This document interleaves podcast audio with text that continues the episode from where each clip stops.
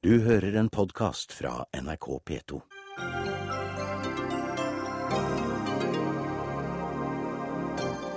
På klimamøtet i New York glimrer to av klimaverstingene, India og Kinas toppledere, med sitt fravær.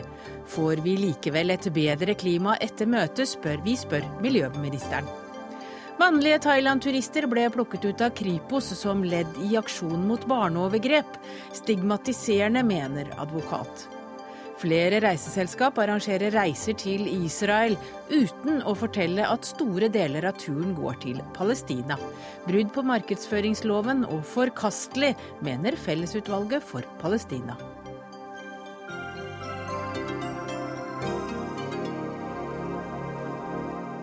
Ja, velkommen til Dagsnytt 18. Jeg heter Hege Holm, og fram til klokka sju skal vi også snakke om talsmannen for profetens Umma, som nå er stilt for retten fordi han har hyllet terrorister. Og vi skal snakke om regjeringen som er i ferd med å selge ut arvesølvet. Men aller først skal vi til samtalene om fred i Syria, som har pågått rett utenfor studiodøra uten at vi visste det. For bak nedrullede gardiner på et hotell i Oslo sentrum en dag i august møttes nemlig opposisjonsgrupper fra Syria til samtaler. To ganger er det blitt holdt møter i Oslo for å snakke om veien videre for det borgerkrigsherjede landet. Det bekreftet statssekretær Bård Glad Pedersen i Utenriksdepartementet overfor NRK, men han har altså ikke anledning til å være med og snakke om saken i kveld. Men utenriksmedarbeider her i NRK, Anders Tvegård, hva slags samtaler er det det er snakk om? Sånn jeg har forstått det, så er det en type sonderinger for å se om det er mulig å komme fram til en eller annen form for plattform som de kan jobbe videre med seinere. Det er mange, flere hundre opposisjonelle grupper i Syria, og i Oslo så var et førtitalls samlet. Det var akademikere, det var medlemmer fra opposisjonen. Det spesielle var at det også var moderate krigere, eller altså væpnede grupper, som var til stede. Du kan se på det som et slags seminar, der man går inn i noen arbeidsgrupper, diskuterer spørsmål, tar det inn i et fellesforum og ser om man kommer fram med en liste ideer. Det gjorde de, og overleverte det til president Assads medierådgiver, som var i Oslo noen dager senere. Men, men, hva var målet for samtalene? Det er å prøve å uh, finne en uh, politisk løsning eller starte en, en, prosess. Det pågår mange initiativer i flere hovedsteder. En uh, underskog av initiativer og, og, møter for å prøve å få en politisk prosess på beina. FN har nå også fått en ny spesialutsending til området, som har en litt annen tilnærming enn det den gamle hadde. ingen ser for seg at det blir én stor avtale om Syria, der likeverdige sitter rundt et bord og skal forsøke å forhandle sammen. Her må, jobber man annerledes. Og dette her var kanskje så de, de, første, de, første, skrittene for å se om det er mulig å, å snakke sammen. Og så, hvis de skal fortsette å ha møter, så skjer det kanskje i, på en annen måte, i et annet forum. Kanskje det skal være færre folk. Vi er milevis fra reelle forhandlinger. Dette her er mer enn for å få i gang en dialog mellom tidligere fiender. Men, men det var altså et, en amerikansk tenketank som tok initiativet. Hvorfor ble samtalene lagt til Oslo og ikke USA? Norge er et attraktivt sted. Det sender også signaler til aktørene. Norge har en historie og spiller på det å skulle være en fredsnasjon. Det er vel Norges eksportvare, det å drive et fredsdiplomati. Det var den amerikanske tenketanken Brookings sitt kontor i Doha i Qatar som sto for invitasjonen, som har stått for opplegget. Norge har betalt flybillettene og sengeplassene, penner og papir, og stått for tilretteleggingen, og har en tillit også i regionen til å drive med, med et fredsdiplomati.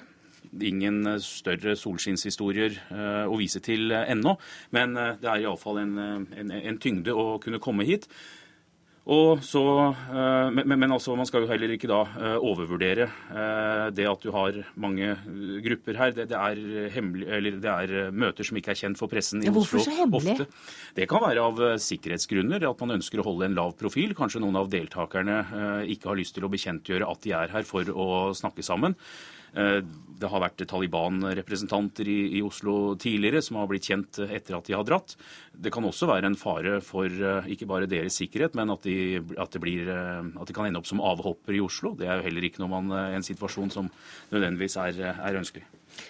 Landrådgiver i Landinfo, Aslak Vardun, du har Syria som spesialfelt.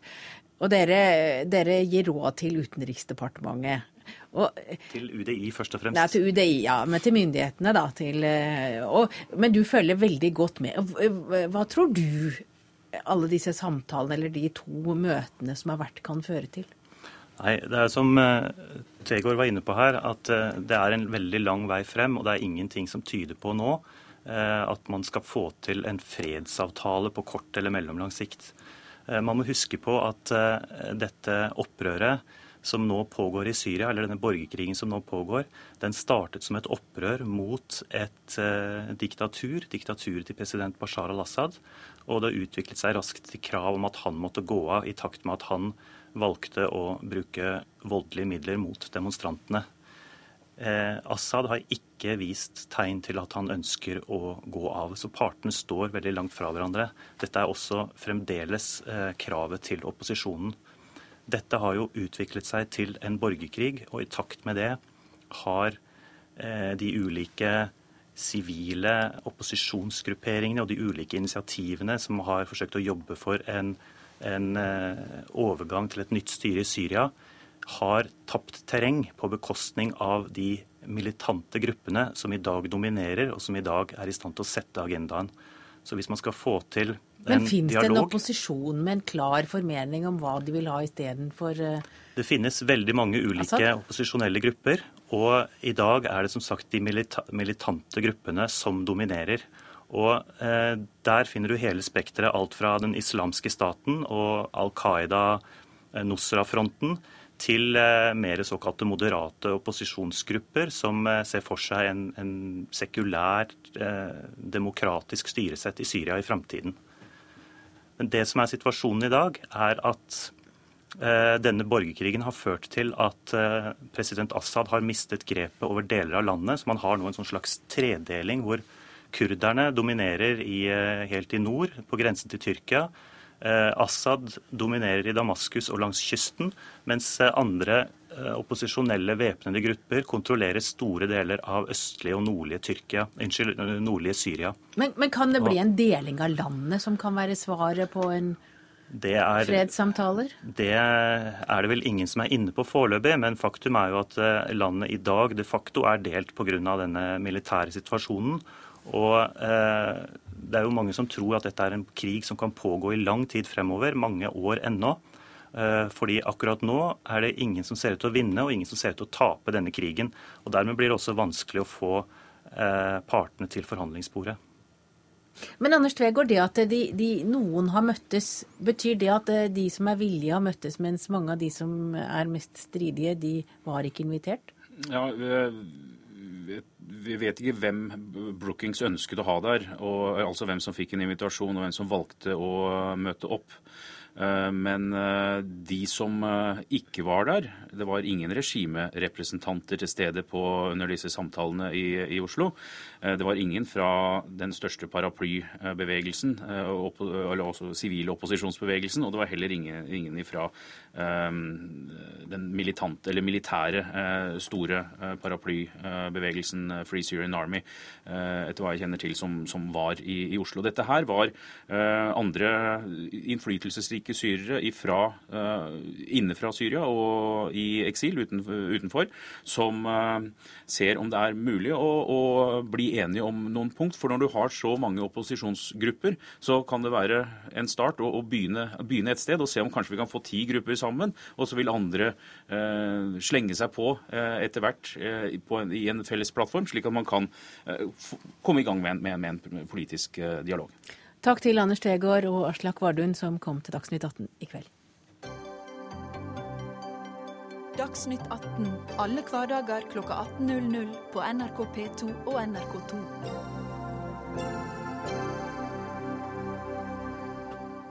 Er det lovlig eller er det ulovlig å hylle terrorister? Det er spørsmålet som stilles i Oslo tingrett denne uken for Ubaydullah Hussain fra den islamistiske gruppen Profetens Umma er tiltalt for å oppfordre til drap og terror med sine hyllester av terrorhandlinger. Og jeg benytter meg bare av min ytringsfrihet, sier uh, Ubaydullah Hussein selv når han blir spurt. Inge D. Hansen, du er uh, kommentator i Aftenposten, og du har fulgt rettssaken. Hva slags hyllester er det Ubaydullah kommer med?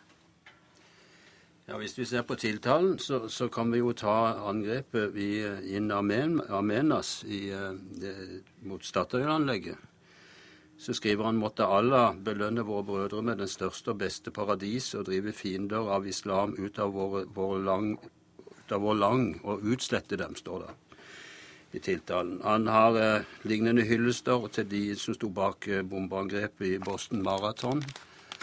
Og så er det tre andre tilfeller. Og Påtalemyndigheten mener da samlet sett at man må vurdere disse som samlet, ikke enkeltvis.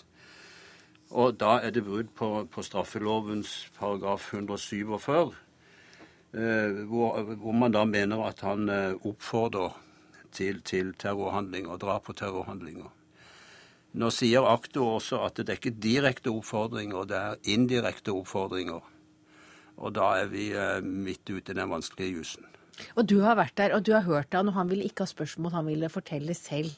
Gjentok han eh, dette i rettssalen? Han sto ved det han hadde skrevet. Inge, Anine Kierulf, du er jurist eh, og du er opptatt av ytringsfrihet. Hvor sterkt står ytringsfriheten? Altså, vi hører jo Ubaydullah sier at 'jeg bruker bare ytringsfriheten min'. Ja, eh, For å ta det første først. Ytringsfriheten står sterkt. og Den er vernet også mot, mot lovbestemmelser som griper for langt inn i den. Men den er på ingen måte absolutt. Jeg kan ikke si at jeg kan ikke oppfordre noen til å drepe deg. Eh, jeg kan ikke ærekrenke deg. Jeg kan ikke utlevere ditt privatliv. Det er en rekke grenser for ytringsfriheten. Men kan du eh, hylle terror? Ja, du kan nok hylle terror. Eh, og det er heller ikke det han er tiltalt for å ha gjort. Å ha hyllet terror i seg selv er ikke per se ulovlig. Det som er ulovlig, er å oppfordre til terrorhandlinger. Og for å finne ut om en ytring er en oppfordring, så må den tolkes. Eh, og tolkningen av ytringer er, følger språknormene og ikke rettsnormene. Så hva vi forstår med vårt språk, det kommer an på hvordan vi forstår eh, vårt eget språk, og hvordan eh, det er å forstå. Og det er ofte noe som må gjøres kontekstuelt. Eh, det vil fremstå ganske ulikt om eh, en person eh, sier En person som kanskje er på andre måter affiliert med terror, sier disse, kommer med disse ytringene, eller om en nyhetsoppleser leser dem opp på radioen som en videreformidling, f.eks. Det vil også være slik at ikke enhver ytring som kan føre til en handling, er en oppfordring. Hvis jeg sitter på trikken og beklager meg over en eller annen kollega som jeg gjerne skulle sett kjølhalt, og noen hører det og kjølhaler den personen, så er ikke det mitt ansvar. Eh, sånn at det er et ganske langt steg mellom dette. Men i denne saken her så mener man da altså at hvis man ser alle disse forskjellige ytringene i sammenheng, så er det i seg selv å fortolke som en oppfordring. Eh, det eh, skal litt til å etablere det, og da må man nok slik det ser ut, ty til en mer kontekstualisert tolkning enn bare å se på ordlyden i de ulike utsagnene. Lars Gule, du er forsker på ytterliggående islamisme. Hvor spesielt er det vi ser i Oslo tingrett, eller du hører når du sitter der? Hører du Baidullah? Det spesielle er jo at dette er brakt for retten. I dag, andre dag av eh, saken, så var det det sakkyndige vitnet som presenterte sin eh, sakkyndige rapport, og også refererte til at slike utsagn slett ikke er helt uvanlig i det islamistiske miljøet. Men på sin side så dokumenterte også forsvarsadvokat Elden at eh, lignende ytringer, eh, og kanskje til og med sterkere oppfordringer til krig, drap osv. på muslimer, er særdeles utbredt på internett. Slik at her er det en, er det en vanskelig avveining. Eh, og den konteksten som eh, Anine Kierulf her peker på, forsøkte jo også aktor å presentere i, eh, i sin bevisførsel i dag, dokumentasjon. Nettopp ved å vise til at Ubaydullah Hussein er den han er. Han er leder for en gruppe. Eh, han har kommet med andre uttalelser. Disse inngår i en helhetlig i en helhetlig sammenheng. Så til slutt så er det altså retten som må levere sin tolkning og en begrunnelse for dette. Og den kan komme til å inneholde politiske vurderinger. Hvilket er noe av det som gjør meg bekymret for at disse ytringene er blitt valgt ut som, eh, som saker å iretteføre. Ja, og, og dette, dette, er selvfølgelig problematisk, og særlig hvis man får et inntrykk av at det er enkelte typer ytringer som blir forfulgt strafferettslig, mens andre typer ytringer ikke blir det, og det ligger en slags politikk eller ideologi bak hva man velger ut å forfølge, og hva man ikke forfølger. Eh, når det er sagt, så er det, det er ikke noe tvil om at det å fremsette ytringer eh, hva skal vi si, stykkevis og delt, likevel kan være av en slik art at de må tolkes i kontekst. Hvis jeg eh, sier at eh, en eller annen eh, navngitt person bør innen en eller annen navngitt dato ha tatt livet av kongen, men skriver det ord for ord en dag om gangen på min Facebook-side, Eh, så kan det allikevel være en ytring som må ses i sammenheng. På den annen side så er det jo her eh, Det er jo et problem også med å se disse ytringene i sammenheng, for det er jo en type retorikk som er en helt annen enn den de mange av oss er vant til, eh, og som kanskje ikke har det meningsinnholdet som aktoratet nå da mener at det har her. Men det at han er leder, betyr det noe? At det, det er en leder som har sagt det? Det kan det bety, og det vil ha selvfølgelig en betydning i en sånn kontekstuell fortolkning. Det som er problemet med å, å trekke grensen for, eh, for vidt for, for, hva som regnes som uh, denne type ytringer, og hvor mye man innfortolker i dem av uh, noe som kan være en oppfordring, det er jo at andre mennesker som leser dette, Eh, og har en eh, annen tilnærming, vil eh, legge større bånd på seg selv for hva de sier, enn det de kanskje har lov til. Så dette er jo en avveining mellom på den ene siden ytringsfriheten, som skal være fri og ikke bli utsatt for, for nedkjølende effekter som det kan komme av den type saker, og den trygghet og frihet som befolkningen generelt må føle, som jo denne type bestemmelser er satt til å verne om. En liten korreksjon. Eh, eh, Hussein sier selv i retten at han ikke lenger er leder for denne profetens eh, umma. Han er kun talsperson. Men et annet poeng her at når man, når man da oppfordrer til, til, drap eller terrorhandlinger, så oppfordrer man til noe som skal skje i fremtiden. Det Hussein har gjort, er at han har hyllet personer som står bak allerede begåtte terrorhandlinger. Og det er jo også noe retten må ta stilling til. Eh, Lars Gule, med din eh, kjennskap til eh, ytterliggående islamistiske miljøer, hvordan vil en eventuell dom mot Hussein virke på det miljøet i Norge? Det er det som kanskje er min største bekymring. Nettopp fordi her, her er det snakk om at man pløyer ny juridisk mark. Og man har altså valgt en islamist å prøve ut dette på. Og Samtidig vet vi at det forekommer en masse enda grovere uttalelser fra høyreekstremt, innvandrerfiendtlig, rasistisk, islamofobt hold på eh, internett. Og det var også noe av det som eh, advokat Elden dokumenterte i dag. Dermed kan vi stå i den situasjonen at man oppfatter at her er det ett miljø som er blinket ut. De blir ofre. De vil se seg som ofre. Dette kan føre til at eh, strategien slår kontra at man faktisk bidrar til rekruttering istedenfor å knuse miljøet. Ja, det, dette er jeg enig med Gulle i, og, og, det er et viktig hensyn, selvfølgelig. Eh, samtidig så må man jo også begynne et sted. Eh, og vi vet jo ikke ennå hva eh, påtalemyndigheten har tenkt å gjøre med andre typer saker av, eh, av denne karakter. Det, det, er jo lagt opp til at ytringsovertredelser av denne typen i noe større grad skal forfølges. Når det er sagt, så er det jo det jo, kan jo være opp- og nedsider med, med, alle sånne saker, selvfølgelig. Og, og, får man en dom i denne saken, så vil det kunne ha de konsekvenser som er skissert nå. Eh, får, man ikke, får, man en frifinnelse i denne saken, så vil jo også det kunne være eh, et uheldig signal til de som ønsker å fremsette denne type ytringer, og kanskje enda verre. Takk til eh, Lars Gule, Anine Kierulf og Inge D. Hansen.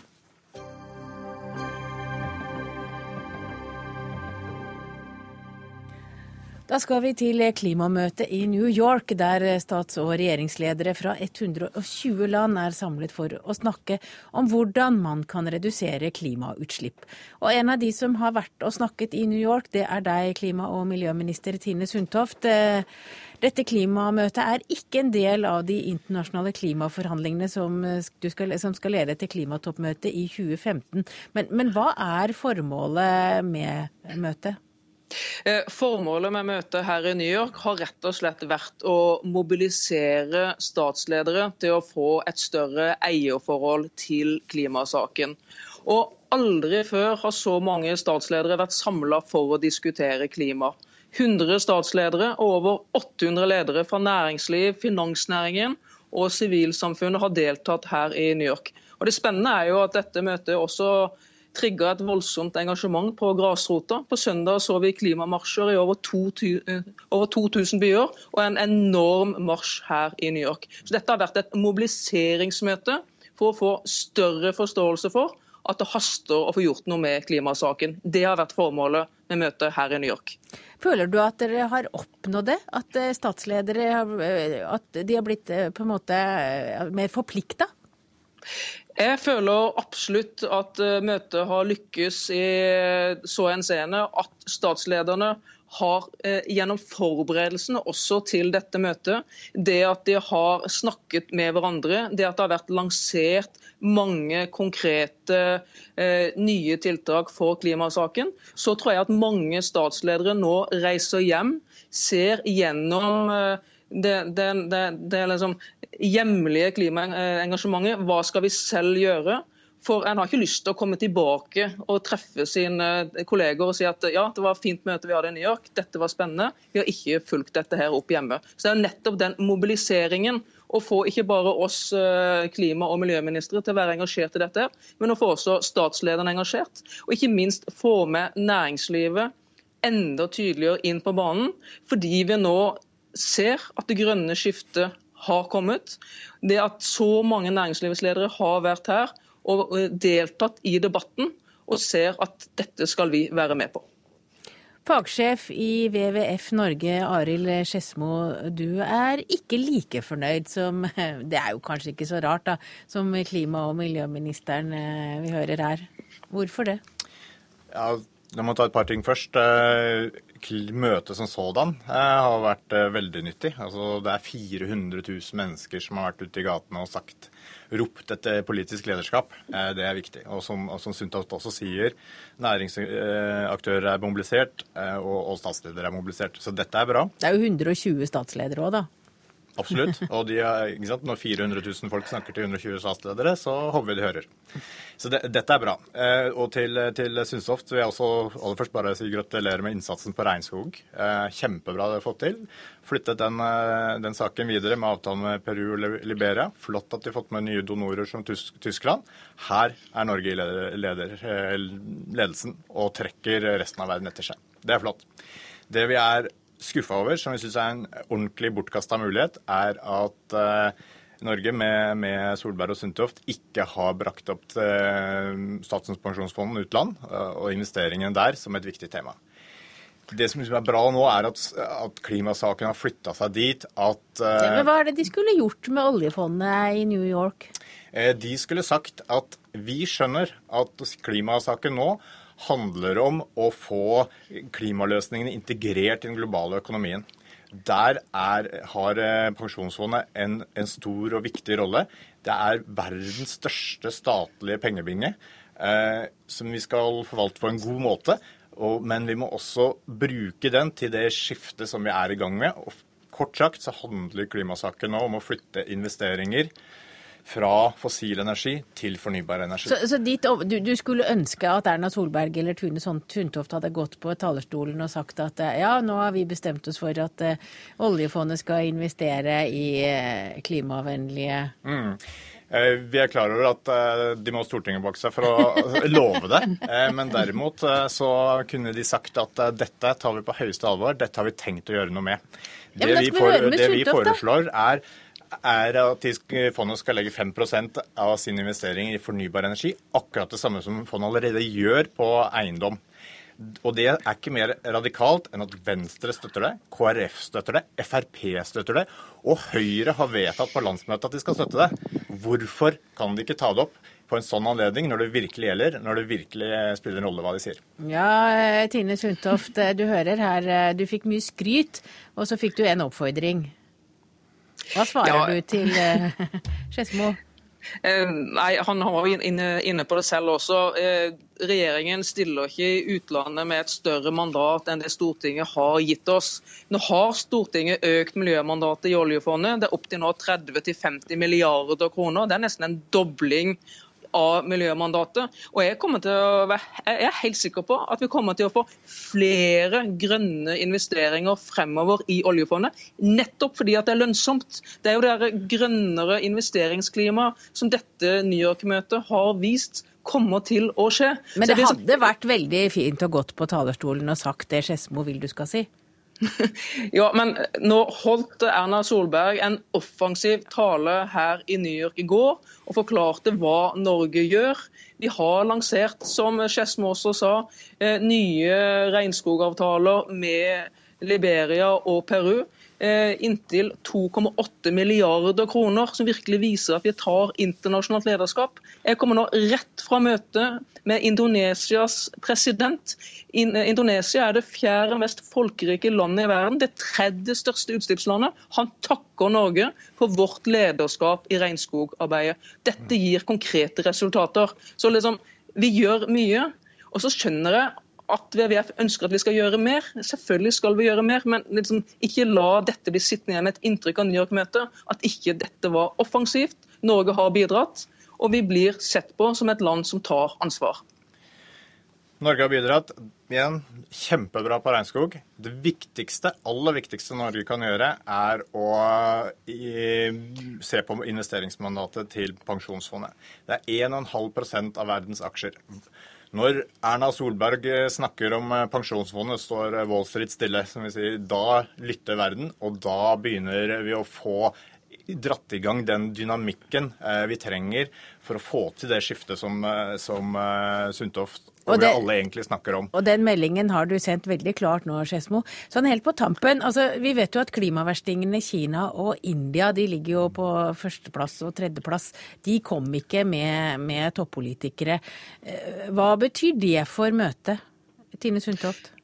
Eh, Det hadde vært en fordel for eh, klimatoppmøtet i går at eh, India og Kina hadde vært der. Men India og Kina deltok i uh, møtet søndag-mandag i det som kalles Major eh, Economies Forum. De 17 største utslippslandene. Der var Norge invitert inn på dette møtet. Og Det illustrerer igjen den brobyggerrollen Norge har i internasjonalt klimaarbeid. Før vi deltok i det møtet med de landene, så hadde vi sammen med EU arrangert et møte, med 40 land, vesentlig fra Afrika og øystatene. De bekrefter nå at de kommer med sine utslippsforpliktelser første kvartal 2015. De ønsker en ambisiøs og rettferdig avtale. Det budskapet tok vi inn i det andre møtet med de 17 største utslippslandene. Så vi, vi tar brobyggerrollen på alvor. Vi lanserer nye konkrete tiltak. og er i tet på dette. Og Da blir jeg litt frustrert over at hver gang dette skjer, så tas debatten om oljefondet inn, vel vitende om at vi har håndtert dette ut fra hva Stortinget har gitt oss mandat til å gjøre. Da fikk du siste ord. Takk til deg, Tine Sundtoft, klima- og miljøminister. Takk også til deg, Arild Skedsmo, fagsjef i WWF.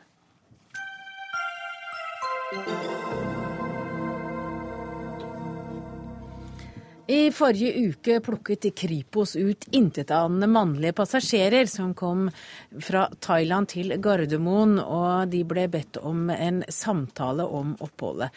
Passasjerene ble altså stanset av sivile politifolk ved passkontrollen, og det var en del av dem eh, som Og dette var altså en del av en europeisk aksjon, det er viktig å si, mot Og det er jo selvfølgelig for å ta personer som forgriper seg mot barn.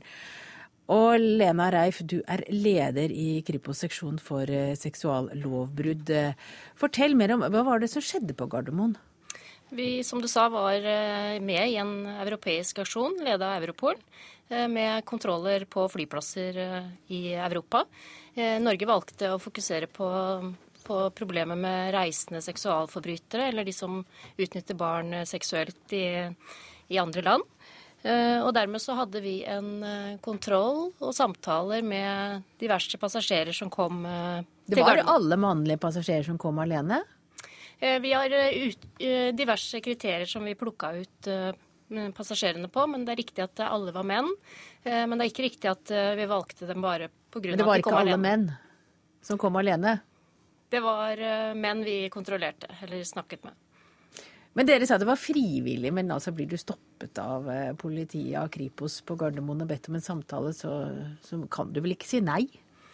Eh, nei, og det var ingen som gjorde heller det. Eh, eller at vi følte at de ikke ønska det. Vi, som politi gjør ellers, så snakker vi med folk, og det gjør vi også. Vi presenterte oss og presenterte formålet med samtalen og hadde en del spørsmål til de.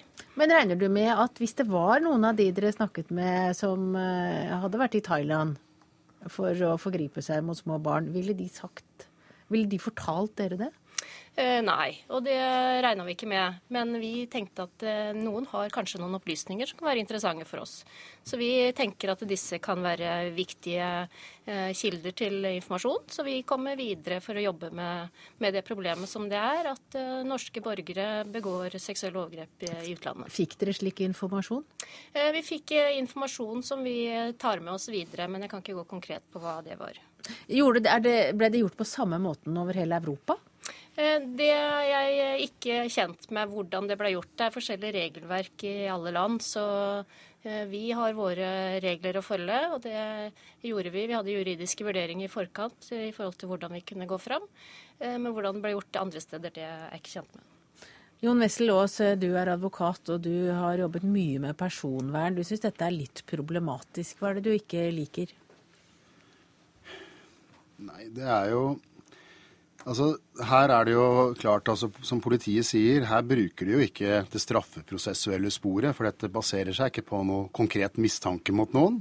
Her er det i større eller mindre grad vilkårlig utplukkede menn. Nå er det noen kriterier som ligger til grunn her, og det vet ikke jeg helt hva er. Og jeg syns kanskje det er også litt sånn betenkelig. Hvor har de disse kriteriene fra? Hva slags undersøkelser gjør de om folk som det ikke er noe mistanke mot? Men her bruker politiet i utgangspunktet sin eh, alminnelige handlefrihet, som vi alle har. da.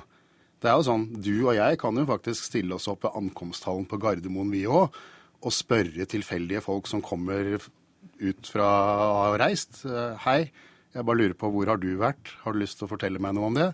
Nå vil jo du og jeg bare bli avvist av de fleste og si at det har ikke du noe med. Men når det er Kripos, når de presenterer seg som hei, dette er fra politiet, og de står der eh, i forbindelse med passkontrollen, så vidt jeg forsto. Da er det klart at eh, de fleste avviser ikke det og sier de har ikke noe behov for å fortelle om hvor jeg har reist, for det har du ikke noe med. De har en autoritet. Sånn at den, altså den frivilligheten, den, den syns jeg ikke er veldig reell i den situasjonen. Du er på en måte litt stengt inne der, og, og det er andre mennesker som går forbi osv. Og, så og og igjen, altså her eh, så blir man altså da, så vidt jeg forstår, spurt om hva man har gjort, eh, hva formålet med reisen var, om man har eh, vært sammen med barn, om man har tatt bilder. Og til dels, så vidt jeg har forstått, spurt om man kan få se bilder de har på telefon eller PC, eller at noen på svaret om de har tatt bilder, da uoppfordra har sagt ja, vil dere se dem? Det er ganske inngripende overfor noen som i utgangspunktet ikke er mistenkt for noe. Men er det ulovlig? Altså, Det er derfor jeg vil ikke være bastant på det. fordi det er igjen, Politiet har alminnelig handlefrihet som alle andre i utgangspunktet. De kan, de kan spørre hvem som helst på gaten hei, kan vi snakke med deg, vi er litt interessert i noen opplysninger. Og så kan du velge å si ja eller nei. Eh, men, men det blir noe med den settingen her.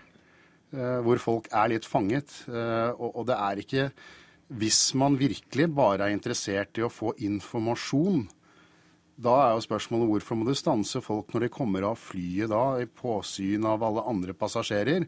Kan du ikke da ta kontakt med folk som har vært i Thailand og si hei, vi har et prosjekt, det er vanskelig å oppdage eller eh, etterforske det som foregår i Thailand.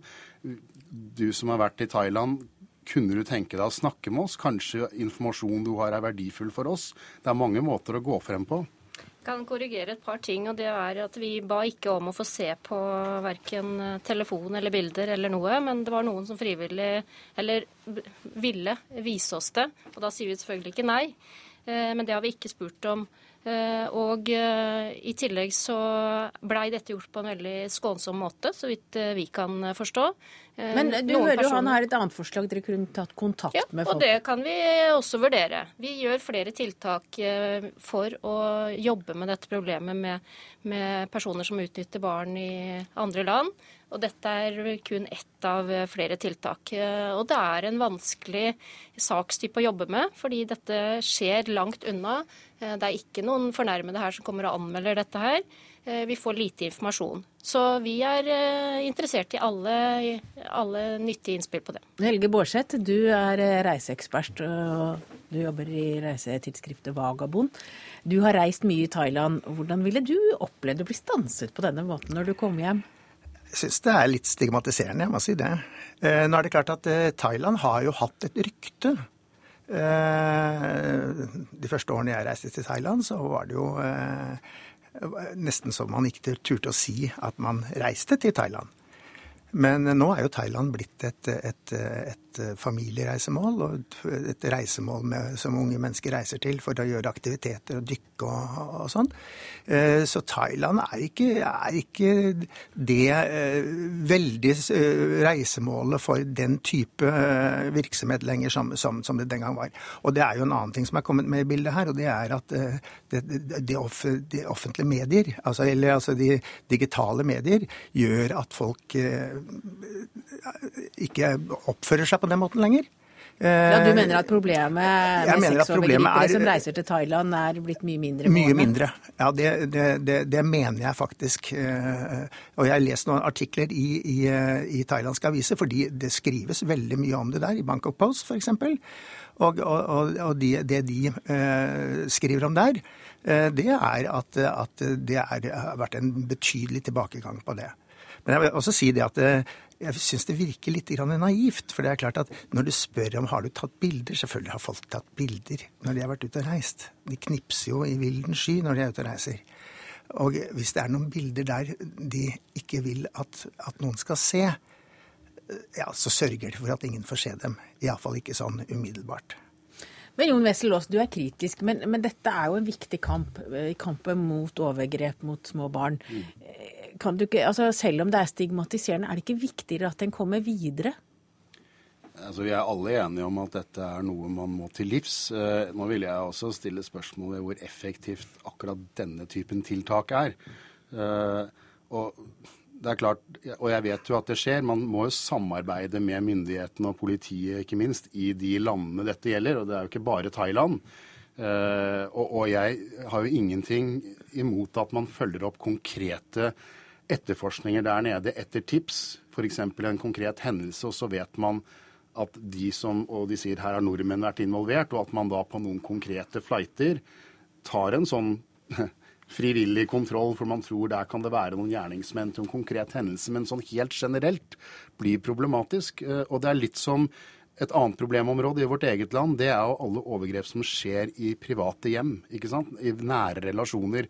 Der er det også vanskelig å få anmeldelser pga. lojalitetsbindinger uh, ikke sant, i familier. Men det er jo ikke sånn at man begynner å gå og banke på tilfeldige dører rundt omkring hvor det er barnefamilier, og sier du, vi har bare lyst til å stille noen spørsmål om hvordan det er her hjemme i familien. Vi har i hvert fall ikke kommet dit ennå, og jeg håper egentlig ikke vi gjør det. Lena Reif, hvordan har dere tenkt å fortsette?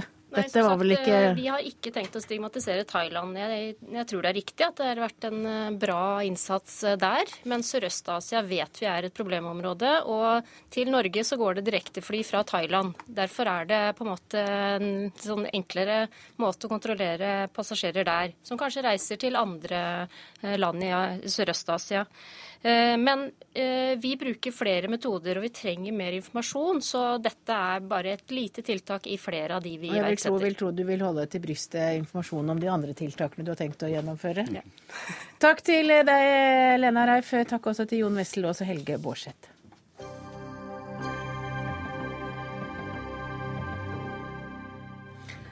Denne uken la japanske Mitsubishi inn bud på den norske oppdrettsselskapet Cermaq, der staten eier 59% av aksjene. Og fra før så har regjeringen varslet at de kan være interessert hvis de får en god pris. Olje- og gassprodusenten Kverner, eiendomsselskapet Entra, IT-selskapet Evry og kunstgjødselprodusenten Yara. Og Else May Botten, du sitter i næringskomiteen på Stortinget for Arbeiderpartiet, og du er skeptisk eh, til måten dette foregår på, og akkurat nå salget av Cermaq. Hva er det du er skeptisk til? For det første så var det jo sånn at du nesten måtte trekke pusten når du ramsa opp alle de eh, bedriftene som eh, var på salgslista. Eh, men når det gjelder Cermaq, så, så har vi på en måte vært med i vår regjeringstid og bidratt til å gi ei fullmakt i forhold til salg. Men da satte jo vi en forutsetning i forhold til at det skulle bygges opp et strategisk selskap. Eh, vi skulle ha eh, hovedkontor i Norge. Vi var opptatt av forskning og utvikling og arbeidsplasser. Men det som jeg er skeptisk til nå, det er jo at man kan miste eh, den altså hånda på rattet hvis du nå selger helt ut. Og det er usikkert hva som skjer. Så jeg har jo store forventninger til at denne fullmakta som ligger der, blir forvalta på en god måte av statsråden.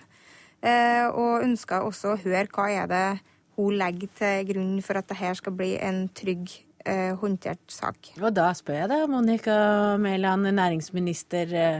Eh, vil du tilfredsstille Botten her og gjøre det hun sier, altså selge ut, men med forutsetninger om at hovedkontoret fortsatt ligger i Norge? Ja, nå er det to ting som er viktig. For det første så er det en rekke av de selskapene du nevnte hvor vi ikke har bedt om fullmakt til å selge. Verken i eh, Yara, i Evry eller Kværner har vi bedt om noen fullmakt. Eh, derimot så har vi en fullmakt til å selge Cermaq. Det er en fullmakt som den rød-grønne regjeringen ba om og ja, fikk av Stortinget i fjor. Og de forutsetningene som Botten her viser til, ligger altså ikke i Stortingets fullmakt. Det er en fullmakt til å vurdere et industrielt nedsalg eh, i Cermaq, 100 Og det betyr den, bare prisen må være god nok? Prisen må være riktig hvis vi skal vurdere det, og det har vi også vurdert at vi har fått et godt tilbud. Men nå er det jo fritt frem for andre å by på Cermaq. Så vi har gjort akkurat den samme vurderingen som det Botten gjorde i Stortinget i fjor, og som Arnstad gjorde når hun satt i regjering, nemlig be om en fullmakt til å gjøre disse vurderingene. Det er ingen forutsetning verken om hovedkontor, om forskning eller noen andre ting. Det er jo greit å minne om at det siste, noe av det siste den rød-grønne regjeringen gjorde, var å selge ut eh, fordelen av Cermaq, altså Evos. Og det ble solgt eh, ut av Norge til et eh, private equity-selskap. Ja, Botten? Ja, jeg hører at det går helt for seg inni, inni Oslo-gryta nå. Men det som jeg har lyst til å si, eh, det er jo det at jeg mener at den fullmakta er jo det kommer jo litt an på hvordan regjeringa vurderer å forvalte den. Og vi la jo til grunn når vi tok ut den fullmakta, at vi ønska å satse på å bygge opp et strategisk selskap med eh, hovedkontor i Norge og fokus på eh, forskning og utvikling. Det kan jo også Monica Mæland gjøre. Det trenger, jo ikke, eh, ikke Stortinget å legge som en føring, for det er jo vanskelig. Men det har jo med hvilket trykk man har fra regjeringshold. Hva er det man syns er viktig? Men, men, jeg må bare korrigere uh, igjen, Botten. Disse uh, forutsetningene ligger ikke inne i det stortingsvedtaket som hun stemte for i fjor. Jeg har ikke sagt at det ligger i stortingsvedtaket. Nei, men da er spørsmålet hva er det som har endret seg på dette året? Det eneste som har endret seg, er at de rød-grønne ikke lenger sitter i regjering, og altså nå har et annet uh, forhold til de fullmaktene som de ga for et år siden. Vi har med oss flere av regjeringskameratene, for vi har med oss stortingsrepresentant og parlamentarisk leder for Senterpartiet, Marit Arnstad. Du er også skeptisk Hvorfor nei, det? Altså, nei, Senterpartiet har ingen prinsipielle motforestillinger mot uh, salg av Cermaq. Men det, noen, det, reiser noen spørsmål, det som står foran oss nå. Fordi for, det, for det første så, så, reiser det spørsmålet at du her risikerer å få en rekke bitvise salg av statlig selskap før du har hatt en overordna, mer prinsipiell drøfting i Stortinget om eierskapspolitikken. Det syns jeg er synd. Eh, fordi det syns jeg har vært nyttig å ha fått sett på en del av forholdene både knytta til om det bør være et nasjonalt eierskap, eh, hvilke krav vi stiller til nye eiere når det gjelder hva de kan tilføre industrielt og når det gjelder ny teknologi. Eh, hva vi også skal bruke inntektene av salget til. Eh, det syns jeg også gjelder Cermaq. Altså, hvis du nå får en del milliarder for salget av Cermaq, hva skal du så bruke de pengene til? Skal de gå rett inn i oljefondet og plasseres på verdens børser rundt omkring, eller skal vi bruke dem til en, en, strategisk industriell utvikling i Norge. Det er alle ihop viktige tema som vi burde ha mulighet til å diskutere før nå velger å selge seg ut i, i, konkrete selskap, og før en også risikerer å bli utvanna i Yara. Eh, og Yara og Kverner er jo spesielle problemstillinger som det er svært viktig at en tar vare på. Ja, bare for å rydde litt her. I Yara og Kværner har ikke vi bedt om noen fullmakt eh, til å selge. Vi har en fullmakt i Cermaq. Den er gitt av Stortinget, og det er en fullmakt til å selge 100% av selskapet. Rett og slett fordi det ikke er noen spesielt gode grunner for at Norge skal eie, norske stat skal eie ett av veldig mange oppdrettsselskap i eh, Norge. Og det er ikke lagt noen forutsetninger i de vurderingene. Når det gjelder inntektene fra salget, så er jo vi i en veldig lykkelig situasjon.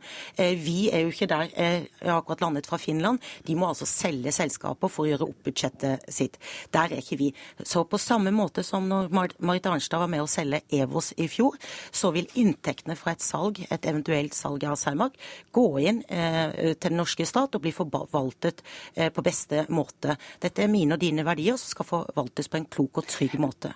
Men, men altså, dette er allikevel diskusjoner som jeg syns er veldig viktig at en kunne ha tatt på et bredt politisk grunnlag, og knytta til den eierskapsmeldinga som regjeringa har lagt fram. Men det vi altså, risikerer vi nå altså ikke få muligheten til, for vi risikerer at det blir utsalg langt før den tid. Og når det gjelder Kverner, og Yara så syns jeg det er litt spesielle problemstillinger. Det har vært interessant å høre, da. Hvis det er sånn at det kan skje ting der før Stortinget får drøfta de mer prinsipielle sidene, hva er statsrådens holdning til at du kan bli utvanna i Yara? Vil staten da bidra til å kjøpe opp eierandelen, eh, statens eierandel, eh, sånn at du er sikker på at du kan beholde hovedkontoret for Yara fortsatt i Norge. Kan statsråden garantere det nå? Fordi det er et en helt avgjørende punkt i de fusjonsplanene som ligger mellom Yara og det amerikanske selskapet. Men, men når det gjelder Yara, så er vår politikk eh, om Yara fremlagt i den eierskapsmeldingen som Stortinget skal behandle, og som Stortinget vil få all mulig anledning til. Det vi nå gjør, er å benytte en fullmakt som Stortinget allerede har diskutert, som Stortinget allerede har gitt gitt. Vi har ikke endret syn eh, på verken Yara eller de andre selskapene som vi har kategorisert som viktige hovedkontorfunksjoner i Norge. Men vi har noen fullmakter. Vi har det i Entra og vi har det i Cermaq. De fullmaktene er nå vi benytter. Og de eh, fullmaktene er grundig diskutert i Stortinget. Og verden har altså ikke endret seg på ett år annet enn at den rød-grønne regjeringen er godt av. Men Arnstad, du mener jo at det er et ideologisk spørsmål, du? At det er det du ser Nei, for meg er det ikke et ideologisk spørsmål. Nei, Men det er for regjeringen? Men, men jeg har nok en eh, mistanke om at det for regjeringa er et eh, ideologisk spørsmål, fordi at, fordi at eh, det av og til høres ut som om det ikke finnes noen grunner verken til å ha et statlig eierskap, eller i den saks skyld heller bevare et nasjonalt eierskap gjennom statlig eierskap. Men hvorfor skal vi ha et statlig eh, eierskap? Eh, altså, jeg mener at statlig eierskap eh, kan ha mange begrunnelser. og det er jo, Et av dem er jo å bevare bl.a. det norske eierskapet. Eh, og, og, det er en viktig og riktig begrunnelse for mye av det statlige eierskapet. Men hvorfor er det viktig? Jo, fordi at jeg tror at for den type konsern, la oss si Yara, da, som er et uh, høykompetent teknologisk selskap, så er det viktig at vi kan ha hovedkontor i Norge, at ikke flagger helt ut til utlandet, men at vi kan bevare, eh, bevare og utvikle det industrimiljøet og de arbeidsplassene i Norge. Ethvert land har behov for det. Vi kan ikke bare sitte og være rentister av et oljefond. Vi må drive industriutvikling som også har sin base i Norge. Eh, er du enig i det, Mæland? Ja, altså, eh, og staten vi, kan bidra. Bruke vi, er, vi er jo langt på vei enig. Det er slik at staten er en stor eier i norsk næringsliv. Det kommer staten fortsatt til å være. Det vi har sagt, er at vi skal ha et bevisst forhold. Det skal være en begrunnelse for hvorfor staten skal eie. Og, og det å bli beskyldt for å drive ideologi Men hva er en god pussy. grunn? En god grunn kan være en sektorpolitisk begrunnelse. Vinmonopolet er f.eks. politiske grunner for å eie. Kongsberg, Hydro Det finnes en rekke selskaper hvor vi vi eh, fra regjeringens side veldig tydelige på at det å ha hovedkontorfunksjon, det å ha forskningsmiljøer, det å ha teknologimiljøer er viktig for oss. Og Derfor så har vi signalisert at de selskapene skal vi fortsatt eie i. Denne begrunnelsen foreligger ikke når det gjelder verken Entra eller Cermaq. Det har også Stortinget sluttet seg til ved flere anledninger. Men altså, det, fortsatt så gjenstår det jo altså, Hvis Mæland nå kan garantere altså Når vi nå ikke har stortingssalen til å diskutere de her mer prinsipielle sidene, så får vi bruke dem. For de har ikke åpnet ennå? Men, men, men hvis, hvis Mæland kan garantere her at hun vil bla opp de milliardene som trengs til å opprettholde den eierandelen i Yara som er nødvendig for å beholde hovedkontoret i Norge, så syns jeg at det er et veldig bra utfall av dagens debatt. I, i motsetning til Eh, Arnstad eh, så kommer ikke jeg til å spekulere i Yara. også- Og hvis Mæland også kan garantere at Kværner-spørsmålet vil bli brakt til Stortinget før det blir tatt noen avgjørelse om et eventuelt salg, så er det også bra. Jeg tror bare jeg må minne Arnstad om at det ikke foreligger fullmakter til regjeringen å selge ut disse selskapene. Vi har heller ikke bedt om disse fullmaktene, så dette får Stortinget all anledning til å diskutere. Og så har jeg vært så lenge i politikk at det å utvise garantier, det er uklokt. Uh, uansett om man sitter i regjering eller ikke. Ja. Men vi har ikke bedt om noen slike fullmakter. Vårt syn på dette ble fremlagt i eierskapsmeldingen Else May Botten, du er ikke her, du sitter på Tyholt i Trondheim, og du ser ikke, også her blir du litt eh, Du blir ikke glemt, men, eh, men det skjer mye. Men nå har du hørt Mæland, er, du- du beroliget? Eh, nei, egentlig ikke. Eh, det, som, det som jeg hører, det er jo at, eh, at ja, altså Det er beroligende å høre at vi skal fortsatt ha et stort eierskap, men det er jo også da litt merkelig at man hele tida har fokus på utsalg. Jeg har jo ennå ikke hørt at eh, Mæland har sagt at det er noe er interessert i å kjøpe seg opp i.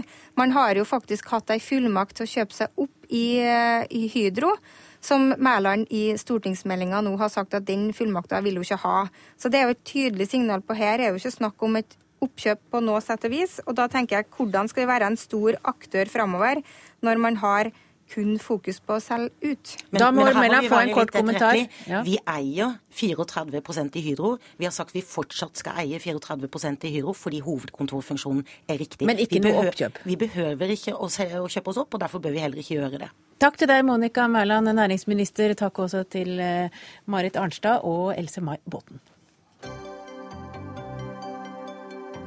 Hør Dagsnytt 18 når du vil. Radio NRK NO.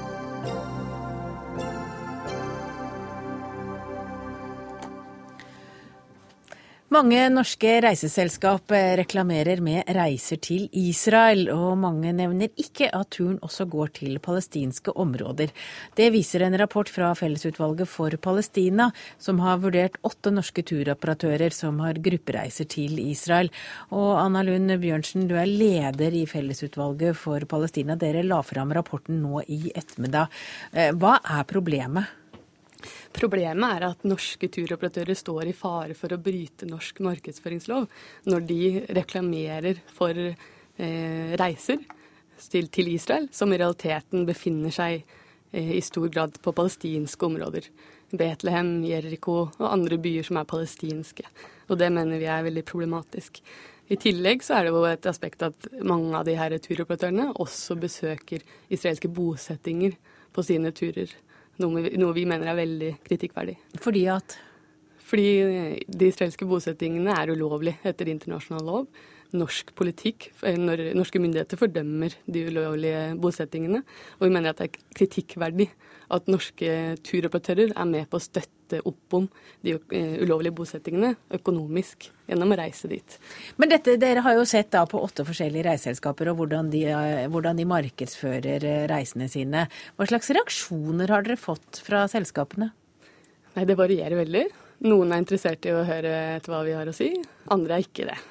De har ulike motiver. Noen har politiske religiøse motiver til å reise dit. Andre er bare ute etter å, å reise der hvor det er sol og strand. Eh, Så det er ganske mange som har gjort det litt sånn uten å tenke seg om? Ja, det tror jeg nok. For det er jo ikke så enkelt, hvis vi skal være helt ærlige, hva som er palestinske områder og hva som er Israel. Ja, Det er et godt poeng. Og det er, litt Og det er jo politisk også. Absolutt. Og det er jo derfor vi skriver denne rapporten. Fordi det her er nettopp et politisk spørsmål. Vi mener at måten de markedsfører på og, bes be og besøker de ulovlige bosettingene, er med på å legitimere den ulovlige okkupasjonen til Israel. Og er med på å retusjere bort okkupasjonen av palestinsk jord. Rolf Solås, du er markedsføringssjef i Sabra Fokusreiser, og, og dere har, er blant de som har fått kritikk. Hva syns du om det? Ja, vi kjenner oss jo ikke helt igjen i den kritikken som, eh, som er fremlagt. Men vi, vi sier oss helt enig med FUP når det gjelder det å gjelder å oppfordre folk til å reise nettopp til de palestinske områdene. Den gjestfriheten og kulturen som vi møter der, det unner vi enda flere å oppleve. Og Vårt formål som reiseoperatør det er jo nettopp å skape utvikling og økt, forståelse gjennom vår reise. Og vi har stor tro på at nettopp møtet mellom mennesker skaper eh, dette. Og som reiseoperatør så er det vår oppgave å åpne verden og ikke lukke den for våre gjester. Og Derfor så arrangerer vi også mange turer til områder som, som er omdiskutert andre steder i verden. Og vi tror på dialog, åpenhet, at engasjement og innsikt fødes ved nettopp å møte mennesker på begge sider i en sånn konflikt. Og Det har jeg sett sjøl mange ganger gjennom nesten 30 år i dette arbeidet. Og Vi har etablert mange gode kontakter både i det israelske området og på det palestinske. Og Møte mellom mennesker, ikke bare steiner og ruiner, det er viktig. Og som en norsk politiker sa til meg, at eh, det dere klarer å oppnå gjennom turismen, er på mange måter langt mer enn det vi som politikere kan. For det å bygge broer gjennom turismen og business, det kjenner også vi veldig godt til fra palestinsk side. Og Lund Mjørnsen, det må du jo være enig i at det er jo viktigere at folk reiser og ser med egne øyne, enn at de bare sitter hjemme og følger med på nyhetene? Absolutt, og vi fraråder, fraråder ingen til å dra til Israel. Det vi kritiserer, er hvordan de legger eh, program i de ulovlige bosettingene. Bidrar til økonomisk vekst ved å bo på hoteller, besøke fabrikkutsalg, bl.a. Eh, i Hava-fabrikken som ligger ved Dødehavet som er eh, meget omdiskutert. Det er forskjell på å møte israelere og aktivt eh, støtte bosettingene økonomisk. Sånn Gjør dere det, Solås?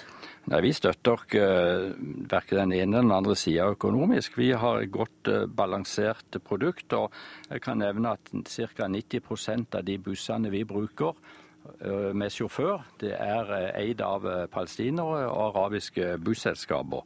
Og Disse bussene kan kjøre både i det israelske området og også i det palestinske området. Vi har ingen problemer med å krysse mellom palestinske områder og Israel i de, i de turene som vi har. Og Vi besøker og overnatter veldig ofte i de palestinske områdene. Ikke bare nødvendigvis i Betlehem, men vi har uh, Nablus, og vi har også grupper som bor i Ramallah. Og Vi har en meget dyktig samarbeidspartner i Ramallah som vi bruker på de palestinske områdene. Så her er det snakk om også å skape aktivitet og, og business på den palestinske sida. Og det er kjempeflott. Men når dere f.eks. i april besøkte eh, eh, bo, eh, hotellet i Arel, som heter Eshel Hashomron, så er dere med og økonomisk støtter opp om aktivitet i de ulovlige bosettingene. Ja, nå har, vi, nå har vi nok litt forskjellige eh, oppfatninger av hva som er uh, ulovlig bosetning. For jeg ser, eh, Nå har jeg ikke fått lest rapporten så grundig, men jeg ser et sted f.eks. så nevnes jo da eh, steder som eh, absolutt ikke er det vi forbinder med bosetning. F.eks. i nord, nord for Dødehavet. Kibbutzen der som vi, som vi, bruker, men det er ikke det folk vanligvis forbinder med bosetning. Det er disse israelske områdene. Vi eh, har for øvrig også nettopp trykt et helt nytt kart som viser hvor muren går, og hvor A- B- og C-områdene er uh, tydelig markert, slik at folk skal vite hvor de befinner seg. Sendinga nærmer seg slutten, og vi har en til her. Rolf Forsdal, du er direktør i Virke reise utland. Nå har du uh, vært med på lanseringen av rapporten i dag, uh, som Fellesutvalget for Palestina har, har laget. Og, og, hva har du å si på veiene? Altså, her hører vi bare Solås, men det er jo en del som har fått kritikk i den rapporten? Ja, det er en god rapport. grundig arbeid. Og det ligger elementer der som vi definitivt skal ta med oss videre. Eh, vi representerer en bransje som eh, vil være samfunnsansvarlig.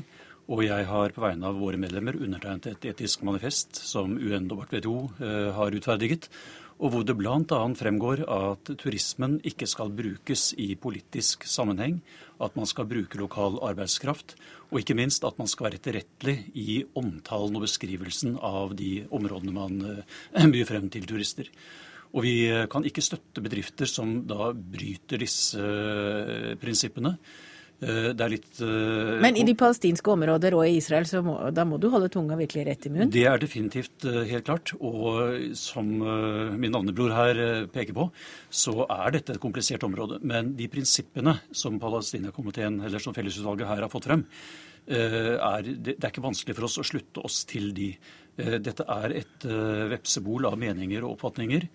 Og turismen som sådan har en effekt som eh, veldig mange regimer og land prøver å stimulere. Noen i politisk eh, sammenheng, noen for å bygge opp et land. Og vi vil være en ansvarlig samfunnsaktør i denne rollen. Og hvis jeg, hvis jeg, ikke tar feil, så mener du Anna Lund Bjørnsen, at folk som driver med reiser i det området, de bør ta kontakt med Fellesutvalget for Palestina før de lager brosjyrer og reiser. De får tilsendt rapport i posten med våre anbefalinger.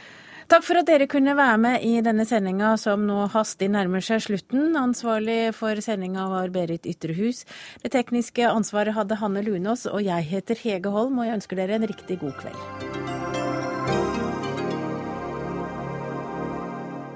Du har hørt en podkast fra NRK P2.